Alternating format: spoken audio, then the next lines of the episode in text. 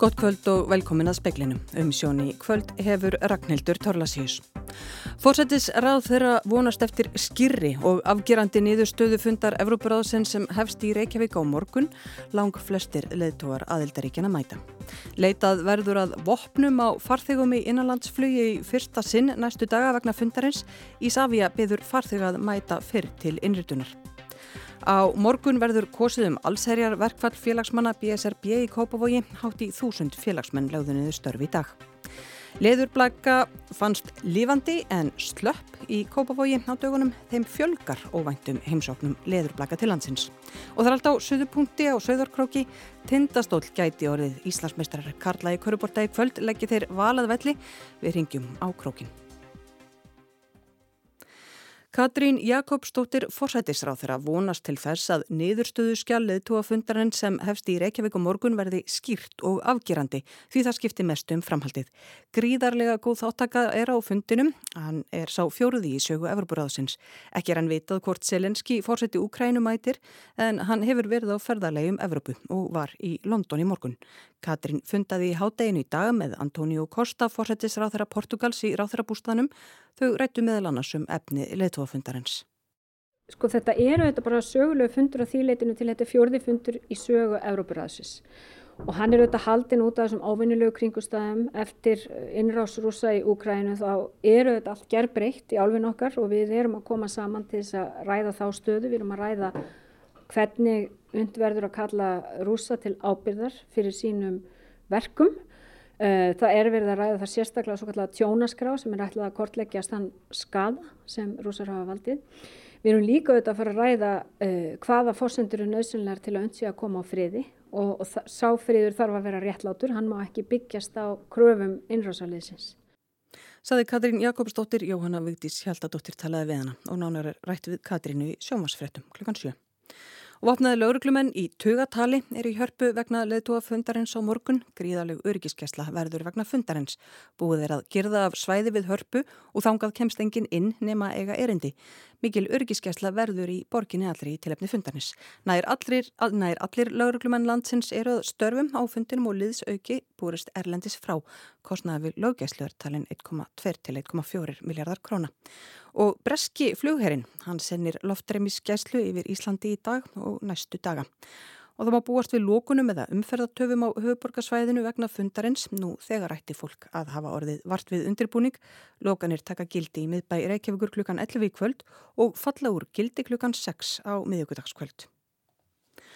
Og áfram með fundin, fólk sem að hegst fljú af landsbyðinu og til borgarinnar á meðan fundileg tóraðsins fer fram hefur beðið um að mæta til innritunar 90 mínútum fyrir brottuför vegna vopnaleitar. Sigrún Björg Jakobsdóttir, framkvæmdastjóri innanlandsflugs hjá Ísafja, sér þetta verið fyrsta sinn sem að öryggisleit er í innanlandsflugi hér á landi. Já, við fengum þetta tilmæli frá Ríkislaurugustjóra og samgangustofu að eh, hafa vopnaleiti í innlandsflugi frá klukkan 2 á morgun til klukkan 16. Eh, þann 17. mæ í rauninni á meðan að fundi stendur í hörspu að þá verður allir farþegar innlandsflugi sem er að fara frá eða til Reykjavíkur vopnuleitaðir og þetta mun taka tíma og þetta mun verða á öllum flugöllum á landinu, hvort sem það er Bíldudalur, Hortnafjörður, Húsavík, Akkurir, Egilstæðir, Ísafjörður og þau flug sem eru á áallun til Reykjavíkur eða frá Reykjavík. Við hverju má fólk búast sem á flug á þessum tíma? Hvernig fer þessi vopnuleit fram? Hún fer fram þannig að, að það er framkvæmt uh, handleit í þeim tilvíkum þar sem er ekki hægt að setja í gegnum sérstakar vélar og það er vélar erurinn engungu og allt hjá flugurlunum okkar. Þetta verður vopnaleit sem, sem leitað í, í handfarangri og áfarþegum af vopnum. Þetta er lengir ferðartíma farþega og við vitum það alveg og þetta veldur óþægindum en ég er bara byrjuð til, til farþega að, að vinna með okkur í þessu sagði Sigrún Björk Jakobsdóttir, Óluf Rún Erlendsdóttir rætti við hennar. Fjórir leikskólar í Mósfellsbæ og Garðabæ voru lokaðir í fyrstu verkfallsaðgerðum BSRB í kjaradeilu við samband íslenskra sveitarfélaga. Verkföll hátt í þúsund félagsmanna BSRB urðu til skertrar starfsemi fjölda skóla og félagsmiðstöða í fjórum sveitarfélagum á höfuborgarsvæðinu í dag. Ellen Svava Rúnarsdóttir leiðbennandi á leikskólanum Kópakvóli syndi verkfallsvöslu í dag. Vorum hérna og það var ekkert, brot og það að segja það eiga að vera 75 börn í leikskólanum en það voru 16 núna fyrir hátegi og 13 eftir hátegi, einn deild var lókuð og einn verður lókuð eftir hátegi. Krafa BSRB snýrað afturvirkri launahækkun frá janúar til að jafna laun félagsmanna við önnur stjættarfélög. Þeirri kröfu hefur sambandið hafnað. Meira en 1600 manns í 20 sveitarfélögum hafa samþygt verkfallsaðgerðir á næstu vikum. Á morgun verður kosið um allsherjar verkfall í Kópavogi. En frekari aðgerður eru fyrirhugaðar en ekki liggur fyrir hverjar þær verða. Síðasti fundur samningarnemnda var á föstu dag. Sonja Ír Þorbergsdóttir, formaður BSRB, segir lítinn gangi við ræðum. Við erum með tvo sáttasemir í málunum sem töldi ekki tilöfni til þess að búa til annars fundars vegna þess hvernig fór og það er ekkert samtali í gangi. Ekki fegst viðtal við fulltrúa sambands íslenska sveitarfélaga þegar eftir því var leitað. Í skriflegu svari leggur sambandi til að aðilar undirriti fyrirlikjandi tilbóð og að aðildarfélög BSRB láti reyna á fullirðingar sínar um að sveitarfélög hafi brotið jafnbrettislög fyrir dómi. Elsa Maria Guðlögs Drífidóttir talaði við Sonju í Þor Þorbergsdóttir og Ellen Svöfu Rúnarsdóttir. En leðurblaka fannst í Kópavogi í síðustu viku. Hún lauk lífslaupi sín og rannsóknarstofinu að keldum. Heimsóknum leðurblaka hingað til lands hefur fjölkað undan farin ár.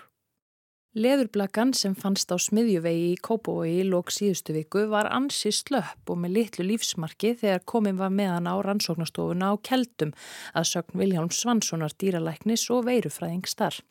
Leðurblakan var svo aflífuð. Viljálmur segir að fólk eigi alls ekki að handleika eða handsama framandi dýr heldur hafa samband við viðegandi stofnanir. Leðurblökur eru enda þekktir smittberar. Það eru náttúrulega þekktir berar af, af smittefnum og þeim hættulegustu sem við eiginlega þekkjum.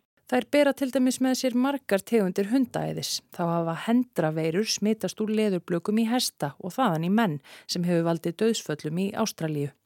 Önnur dæmi eru nýpaveirur og ebola, svo eitthvað sé nefnt. Og síðan getur við nefnt, já, til dæmis við erum nú búin að vera fást við uh, í síðustu þrjú árin við leðublöku veiru, SARS 2 veiruna. Viljálmur segir einhverja leðublökur berast hinga með vindum en að flestar komi sennilega með vöruflutningum. Einn til tvær komi hingað á ári en heimsóknum þeirra hafa vísu fjölgað undan farin ár og líklega bara því að það er ekki neysla hjá landanum og hann þarf að fá vöru, vörurnar við að aukni flutninga til hansins, gámaflutninga náttúrulega, kannski bjóða svolítið upp á þetta, ég veit það ekki. Hann telur þó ekki að leðurblökur gætu lifað hér. Verið er að koma á fót villidýrateimi sem annars það að fanga framandi dýr og skerpa á ferlum í kjölfar tilkynninga. Ekki er vitað hvort þessi tiltekna leðurblaka bar með sér sjúkdóma. Síni úr henni eru til rannsóknar og það var Gunnhildur Kjærulf Birgisdóttir sem tók saman. En tindastól á Söðarkróki getur orðið Íslandsmeistari Karlaði Körfubólta í fyrsta sinn í kvöld ef þeir leggja Reykjavíkur liðiði val. Gunnar Birgisson, íþróttafréttamaður, er á króknum í Íþróttahúsinu Síkinu, er það ekki Gunnar?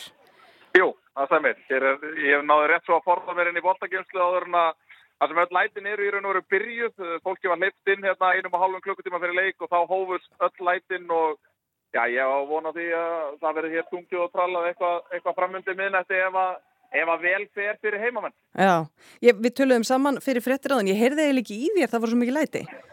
Já, þetta er, uh, hér hafa heimamenn og, og, og nær sveitungar komið sér saman um að ja, stiðja lið tindastól og hafa gert alla útslutakeppnina og þetta er, þetta er orðið ágætist törn sem að stuðnismenn hafa gengið í gegnum Já. og uh, sömulegðis leikmenn og ég held að það sé svona Það er hugur í fólki og, og það er hugur í bænum og hér voru fyrirtæki að loka fyrr til þess að leipa starfsfólki sínu bara hreinlega, já bara að vinnustad og, og, og í gýrin einhvern veginn og uh, hér er búið að vera, ég er nú bara stanslust parti frá þrjú í dag. Já, þetta er spennandi, eh, þið fjallið áfram um þetta náttúrulega. Í kvöld í sjónvarsfréttum og netinu Gunnar Birgisson, íþróttafréttamaður uh, í síkinu á Söðokróki. Takk fyrir þetta. Takk fyrir. Í kringum leðtúafund Evrópuráðsinn sem hefst á morgun eru ímsir hliðarfundir. Eitt þeirra var í veröld í dag í samstarfi við Alþjóðamálastofnun Háskóli Íslands. Líðræði fyrir framtíðina var yfirskriftin. Þarna var farðum víðan völl áhersla var á framtíð líðræðis í Evrópu og hvernig megi ebla líðræðislega menningu og tröst á líðræðistofnunum í framtíðinni. Framsögumenn á málþinginu voru Marja Mesentseva formaður ukrainsku landsdeildarinnar á Evroparáðsþinginu, Alexander Slík sérstakkur ráðgjafi Svetlinu Tíkanovskæju sem er leiðtógi stjórnarandstöðunar í Belarus, Jón Ólafsson profesor, Lilja Alfredsdóttir menningar og viðskiptar á þeirra, Daniel E. Arnarsson framkvæmtastjóri samtakana 78 og Ísabel Díaz, ungmenna fulltrúi saminuði þjóðana á sviði menta, vísinda og menningar og svo var þarna Tíni Cox, forseti Evrópuraðs þingsins, hann er hollenskur þingmaður. Við ræðum á eftir við Jón Ólafsson professor en byrjum á að heyra hvernig Cox dró saman þær blikur sem að eru á lofti í líðræðismálum í álfunni. Cox nefndi að það hefði þurft að reyka Rúsland úr Evróparáðinu þar sem að það hefði breyst í allræðisríki sem ráðist hefði á nágrannaríki sitt og hefði þannig vikið frá líðræði og væri að ógna líðræði nágranna sinna. Belarus hefði einnig vikið af líðræðisbraut. Öll 46 aðeldaríki Evróparáðsins væru yfirlist líðræðisríki en vel væri að gáð væri ekki allt með feldu allstaðir í ríkjunum. But if we take a close look on what is happening in our 46 member states, There are many worrying developments. Journalists are under attack. Uh, uh Blaðamenn sætu undir árásum, þrengt hefði verið að borgarlega samfélaginu í sumum aðeldaríkjum, þar að segja þáttöku og aðgerðum ímissa félagsamtaka. Það væru pólitískir fangar í of mörgum ríkjum Evroparáðsins. Breytingar á sjálfstæði domstóla og almenningur hefði mist tröst á stopnunum. Þannig að það væri ástæði til að hafa áhyggjur. General loss of public trust in, in, democratic institutions. So, yes, this is worrying. The good news is, if I may add that, mm -hmm. the good news is that this summit will deal with these issues. It will recognize that we, it's not just an hurrah story, the Council of Europe. We have Very, very Góðu fréttinnar væru þær að það ætti að taka á þessum málum á fundinum í Reykjavík á morgun og hinn. Það þýtti að leðtóarnir, þegar þeir færu heima á miðugudag, þeir hefðu þá skuldbundið sig og ríki sín til að sinna grundu allar reglum líðræðis. Og það þýtti að hægt væri að berjast á móti. Reykjavík on Wednesday has committed himself, herself and his, her country to these principles and that means that there is a chance to fight back. Jón Ólafsson, profesor við háskólan, var einn framsögumanna. Speillin náði tala um eftir málþingið. Þú tókst átt í málþinginu umræðefnið þetta aldrei viðtækt, líðræði til framtíðar og þetta var svolítið tvískipt, annars vegar áhersla á stöðu, já, ríkjana Belarus og Ukrænu sem er skuggar Úslands og, og svona líðræði þeim hluti álfunar eiginlega nú um stundir og svo framtíð líðræðist til lengri tíma og salnum voru annars vegar eiginlega Evroparáðsþingmenn og hins vegar ungt fólk. Mm -hmm. Byrjum á þeim hluta sem að þú tókst þátt í með áherslu og östu hluta álfunar. Hva, kom eitthvað þar fram sem að þér fannst standa upp úr? Já, það, sko, það kannski sem að tengir þetta er eh, svo sterkar tilfinning sem margir hafa að átökinn og stríðið í Úgrænu eh, hafi eitthvað með bara stöðu líðræðis til framtíðar að gera. Það er að segja, þetta sé ekki bara eitthvað stríð sem að þurfa einhvern veginn að enda eða, eða ná samningum heldur skipti það sem þær er að gerast máli bara fyrir hvernig líðræði tróast í heiminum eftir stað. En var þetta kannski þessi, þessi trjú lönd sem þarna voru í deglunni, þessi Rústland og, og svo Belarus og Úkræna, þá fannst mér kannski aldrei ábyrgandi að auðvitað er það þannig að fyrir kvítrúsum og úkrænumönnum þá er mjög mikilvægt að þeirra framtíð sé ekki alltaf á einhvern nátt háð Rúslandi. Þau þurfa ekki bara að komast út úr þessu stríðsástandi í Belarus náttúrulega þar nú beinleginis að skipta um stjórnvöld líka heldur er hugsunin þessi að fullt sjálfstæði þessara ríkja það sé ekki rauninni raunverulegt fyrir en það er hægt að tala um þau anþess að minnast alltaf í hinnu orðinu á Rúsland. En á sama tíma þá er þetta vegna þessar innrásar rúsa í Ukrænu og vegna þeirrar þessara sterku tilneyingar þar að, að vilja gleipa bæði þessu land og, og neyta þeim sem þar búa um sjálfstæða tilvist að þá er þetta eru örlag þessar að þryggja lík, ríkja líka mjög samofinn. Það er ekki hægt eins og staðan er núna að, að neyta því. Svo er náttúrulega fólk með áhyggjur af samfélagsmiðlum, af falsfréttum. Allt þetta hangir saman svo við fjölmiðlalæsi og upplýsingafrelsi og tjáningafrelsi og ungt fólk. Mm -hmm. Já, svo setni hlutin þróaðist frá Ukrænustríðinu má segja og meira og meira að bara þeim vandamálum sem að við erum kannski að horfast í augu við í okkar evrósku samfélagum Það var mikið talað um umhverjusmál og hugtækið vistmorð kom þar fram og og maður sá einmitt að það var yngra fólkarni salnum sem að tengja sig kannski við umhverfisbaráttuna og baráttugja gloslasbreytingum sem að pressa þetta á litið spurningar af þessu tægi og, og það var kannski aldrei áberandi sko að þarna voru í pallborði tvö svona hvað maður segja fulltrúar yngra fólks Isabella Alejandra Díaz sem er nú fyrirrandi formaði stúdendaráðs og er hérna og Daniel E. Arnarsson sem er framkvæmstjóri í samtakana 78 og þau svona bæði töluðu dálítið um það hvað það er mörguleiti kannski erfiður aðgangur ungsfólks að stjórnmálum. Bæði okkar, okkar ráðfyrra, Lilja Alfredsdóttir og, og Tíni Cox sem er fórseti Tings Európuráðsins.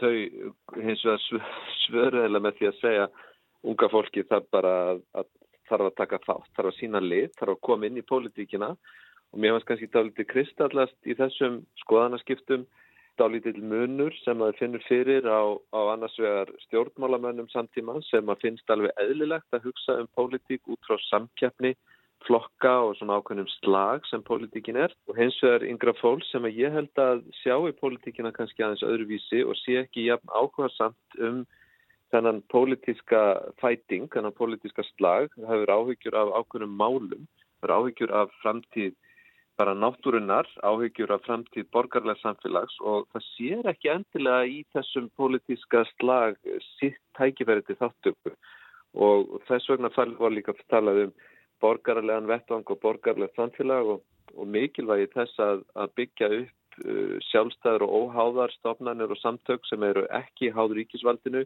en ekki heldur háð viðskipta hagsmunum og, og líka tala um spillingu því að það er náttúrulega mjög algengt með að yngra fólks að, að það fyllist ákveðnum hryllingi gagvart svona ákveðnum, hvað maður segja, spillinga náttúru stjórnmálana.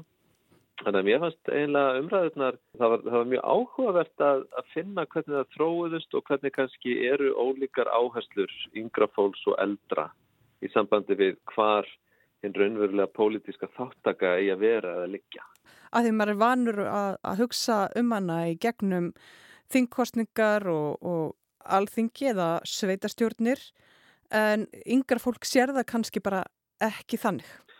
Ekki endilega og ég held að, að þar sé mitt miklu meiri skilningur á því hversu uh, samfélagið er bara marg breytilegt og margir vilja kannski beita sér á okkurum sviðum, vilja hafa tækifæri til að hafa áhrif á til dæmis baráttu gegn uh, hérna hlínunjarðar eða á ákveðna hluti en, en hafa ekki, emitt, hafa ekki áhuga á, á, á svona gamaldags pólitík. Og ég held að það sé kannski dál til svona dál til svona áskorun sko, meina, hérna pólitík einhvern veginn þarf að breytast til þess að ná betur til þeirra ólíku hópa sem að eru sem að munu taka við samfélaginu.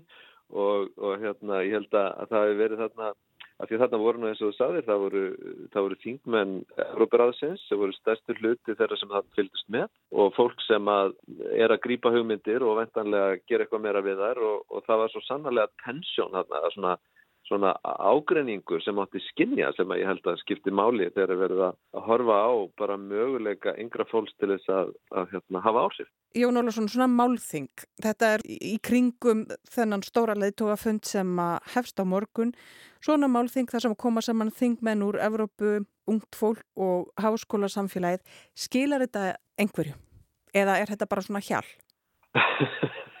þetta er þetta aldrei hjál sko, það er ekki þetta að neyta því og kannski skilar það engu, ég menna oft skilar eitthvað svona engu, en ég held eins og það að, að svona, ef ég horfa þetta frá mínum bæðatirum, þar sem að að fólk í akademíunni finnur oft mjög til þess að það er ekki hlustað, það er, það er svona stjórnmálinn hafa tilneingu til þess að forðast akademíunna, frekarna leita til hennar, þó að stjórnmálumenn segir stundum dálítið annað, að þá held ég að, að svona málþing þau getur nú alveg skipt máli einmitt vegna þess að þegar að stjórnmálumenn og þingmenn sækja þau og hlusta á hugmyndir og, og heyra umræður, að þá náttúrulega grípa, grípur fólk á lofti það sem það er að gerast og stjórnmálumenn gera ofta sínum uh, alls konar hugmyndir sem að þeir veiða upp á, á svona samkom þannig að ég held að, ég held að það sé nú uh, svona uh, ekkit endilega slemt að, að halda þetta og geti ég vel haft bara mjög góð orðið. Jón, hefur þú trú á þessum fundi framöndan? Já, sko, það kom til dæmis fram þarna og, og, og Tíni Cox er svona greinilega pragmatískur stjórnmálamæður. Það var talað um vistmorð í salnum og, og hann sagði það, mun, það verður ekkert minnst á vistmorð í yfirlýsingu, hérna, yfirlýsingunni sem út úr þessu á að koma, væntanlega. Og þannig sló hann aðeins á svona rótækari kröfur en það veitum við svo sem fyrirfram. Ég held eins og er að það sem er að gera á svona stórum fundi auðvitað eru málamiðlanur og tilslaganir og, og svo framvegis og, og, og mörgum finnst kannski einhverju yfirlýsingar skipti ekkit endilega svo miklu máli.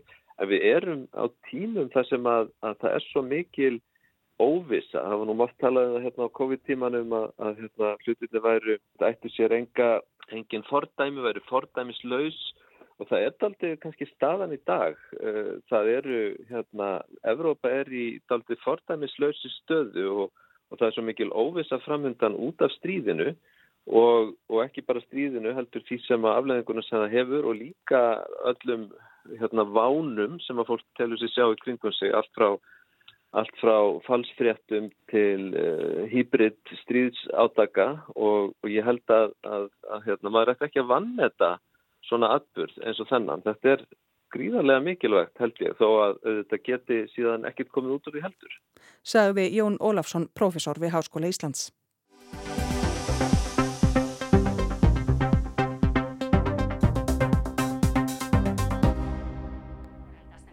será el domingo cuando las temperaturas bajen ya en prácticamente todo el país. De forma más notable nos quedaremos con... Luz Cepeda, veðurfréttakona, les hér brotur veðurspá spænska ríkisjónvarpsins frá síðasta sömri. Flestar tölur eru rauðar á spákortinu eins og átt vil verða. Hittin og sólinn á spáni hefur hins vegar sínar skuggalíðar með vassþurð, uppskerubresti og ymsum erfiðleikum öðrum.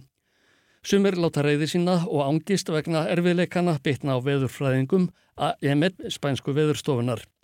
Þeir eru kallaðir morðingjar, glæpamenn og þeim er hótað með ymsum móti á samfélagsmiðlum, í símtölum og með tölvupóstsendingum. Svo ramt hvaða þessu eftir heitabilgju í síðasta mánuði að spænska stjórnin tók málið upp á ríkistjórnarfundi 5. mæ. Nú er nóg komið, skrifaði Teresa Ribera, umhverfis ráþara á Twitter, að ljúa, íta undir samsæriskenningar og vera með móðgandi yfirlýsingar gegn sírir samfélagið og getur haft alvarlegar afleðingar.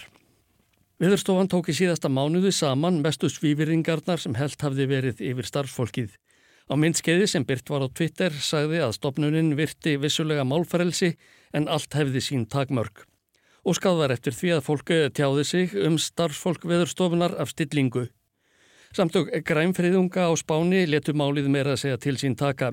Þau kváðust hafa áhyggjur af harkalegum tóni í yfirlýsingum ímissa samsæriskenningasmiða og fólks sem afneitar loftslagsbreytingum í heiminum. Í viðtali við spænska fjölmiðlin El Diero sagðist Estella Guterres talsmaður veðurstofunar aldrei hafa kynst annar eins árásargirni á 30 ára starfsferli. Loftslagsbreytingarnar eru einfallega staðrind, segir hún. Í nýjustu skýrslu milliríkja nefndar um loftslagsbreytingar og fleiri skýrslum þar á undan kemur fram að þær hafa hærra hitastig í förmið sér og við erum farin að finna fyrir því. Það hefur engan tilgang að ráðast að stopnun sem hefur það að markmiði að gæta hagsmuna landsmanna og stuðlað öryggi þeirra. Alexander López Borrúl, professor í upplýsinga og bóðskiptafræði við opna háskólan í Katalóníu, segir í viðtalið við AFP frettarstofuna að þar sem koronaveiran eigi ekki lengur allan hug samsæriskenninga smiða, líki beinast við að dreifa fals upplýsingum um loftslagsbreytingar.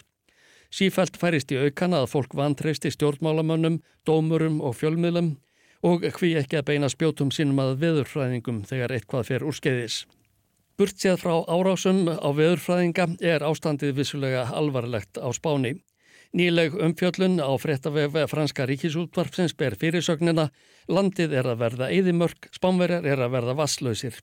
Hittabilgja í apríl hafi komið sér engar illa fyrir vassbúskapinn. Mánuðurinn sé venjulega sá votviðra samasti á árinu en að þessu sinni hafa hann verið þurrasti apríl frá því að mælingar hófust með hita sem fór í 38,7 stig þegar verst létt. Þurkurinn í apríl fylgdi óvunilega hlýjum og þurrum vetrarmánuðum. Haftir eftir Jorge Olsína, yfirmanni á loftslags rannsóknarstofu Háskólans í Alicante, að ástandið sé sérstaklega slemt í Katalóníu og Andalúsíu. Þar séu byrðir í vassbólum hérðana aðeins fjörðungur af því sem þar ættu að vera á þessum árstíma. Af þeim sökum hefur gripið yfirvöld til þess að takmarka vatsnótkun. Fólk mátti ekki lengur vökva garðana sína eða fylla sundlugarnar. Einnig voru bændur beðnir um að draga úr áveitu. Ástandið í sumum öðrum héruðum spánar er ekki til að hrópa húra yfir. Valencia, Murcia, Castilla Mancha og Extremadura eru ekki með nægar byrðir í vassbólum sínum. Í þessum héruðum eru þar jafnvel undir 40% af því sem það ættu að vera í meðal ári. Serge Saka, sérfræðingur í búveðurfræði, segir að ástandið sé fordæmelust. Vassbyrðir landsins séu svipaður um þessar mundir og alla jafna í ágúst eftir heitustu vikur ársins. Spátn hefur stundum verið nefndur bakgarður Evrópu vegna þess hver mikið er flutt þaðan af landbúnaðar afurðum til annara landa. Bændur hafa helst orðið fyrir barðin og þurrkonum undan farin misseri. COAG, ein af helstu bændasamtökum landsins áætla að alltaf 60% kornframlegslunar hafi skrælnað þar sem áveitur eru ekki notaðar við tæknina. Þetta eru engum hveiti og bygg sem sáð var síðastliðið haust og hefði í vennjulegu árferði verið skorið í vor. Serge Saka óttast að uppskera á ólífum, pistasjum og möndlum drægist einnig saman vegna hittans. Í Katalóni eru bændur sem fréttamaður CNN rétti við ekki frá því að hér aðeins sé að hægt að breytast í eðimörk. Eitt þeirra segist ekki muna hvenar síðast ringdi á hans slóðum. Annar segir að hamfarir blasi við í landbúnaði hér aðsins. Í sá upp stöðulóninu um 100 km norðan við Barcelona eru vassbyrðirnar um þessar mundir innan við 10% af því sem þær eru alla jafna um þetta leiti árs. Míðaldathorp sem var á kafi í vatni stendur nú á þurru á ný. Samuel Reyes, forstjóri vatsveitustofnarinnar í Katalóníu, segist hafa þungar áhyggjur á ástandinu. Sometimes I think about the capacity of the territory. I mean, is this a country will, where we can handle with the increase of citizens, tourists, industry, farmers, agriculture, or we should stop? Stundum veltiði fyrir mér hvað svæðið þólir. Getum við ráðið við fjölgun íbúana, ferðamenn, atvinnuvegina, landbúnaðin eða eigum við að gefast upp, segir hann. Stjórnvöldi í Madrid eru að sjálfsögðu með á nótonum. Þau ætlaði verja 2 miljardum og 190 miljónum evra í nýjar vassveitur, afsöldunar, stöðvar og fleiri innviði. Bændur fá bætur og skatt af slátt vegna uppskerubrests. Tvöfalda á endur nýtíku vats í þjattbíli og lækka gjaldskrá til þeirra sem verða fyrir búsefjum, svo að nokkuð sé nefnt. Stjórnvöld hafa einnig ákveðið að banna fólki að vinna úti við þegar hitin verður sem mestur í sumar, það er frá júni fram í september. Ásker Tómasson saði frá. Í spekli kvöldsinn sáðum við meðal annars frá því að forsættisráð þeirra vonast eftir skirri og afgerandi niðurstöðu fundar Evrópuráðsinn sem hefst í Reykjavík morgun lang flestir leðtóar aðeldaríkjana mæta. Vopnaðir lauruglumenn í tugatali er í hörpu. Gríðaleg öryggiskesla verður vegna fundarins. Búið er að girða svæði við hörpu og þangað kemst engin inn nema eiga erindi. Nær allir lauruglumenn landsins er að störfum á fundinum og liðsauki hefur borist Erlendis frá. Bretar sinna loftrýmiskeslu í dag og næstu daga vegna fundarins og það verður leitað að vopnum á farþegum í innanlandsflugi í fyrsta sinn næstu daga. Á morgun verður kosið um allsherjar verkfall félagsmanna BSRB í Kópavogi, hátt í þúsund félagsmenn lögðuniður störf í dag. Leðurblaka fannst lifandi en slöppi í Kópavegi og dögunum heimsóknum leðurblaka fjölgar til landsins og það er alltaf á söðu punkti á söðarkróki sem er atvinnureikandur lokuðu snemma í dag svo fólk gæti mætt á völlin. Tindastól gæti voruð Íslandsmeistarar Karla í Körfubólta í kvöld í fyrsta sinn. Og viður horfur á landinu til miðnættis annað kvöld, sunnan kaldi á morgun og feiknar upp sunnan og vestan til með dálítilli vætu en lengst af bjartviðri um landið norð-vestanvert. Hlínar í veðri en þó gæti verið dálítil snjókoma á norð-austanverðu landinu fram á kvöld og næturfrost víða um land. Fleira er ekki speklinum í kvöld. Tæknin maður var Magnús Þorstein Magnússon, Anna-Lísa Hermannsdóttir stjórnaði frétta útsendingu. Verðið sæl.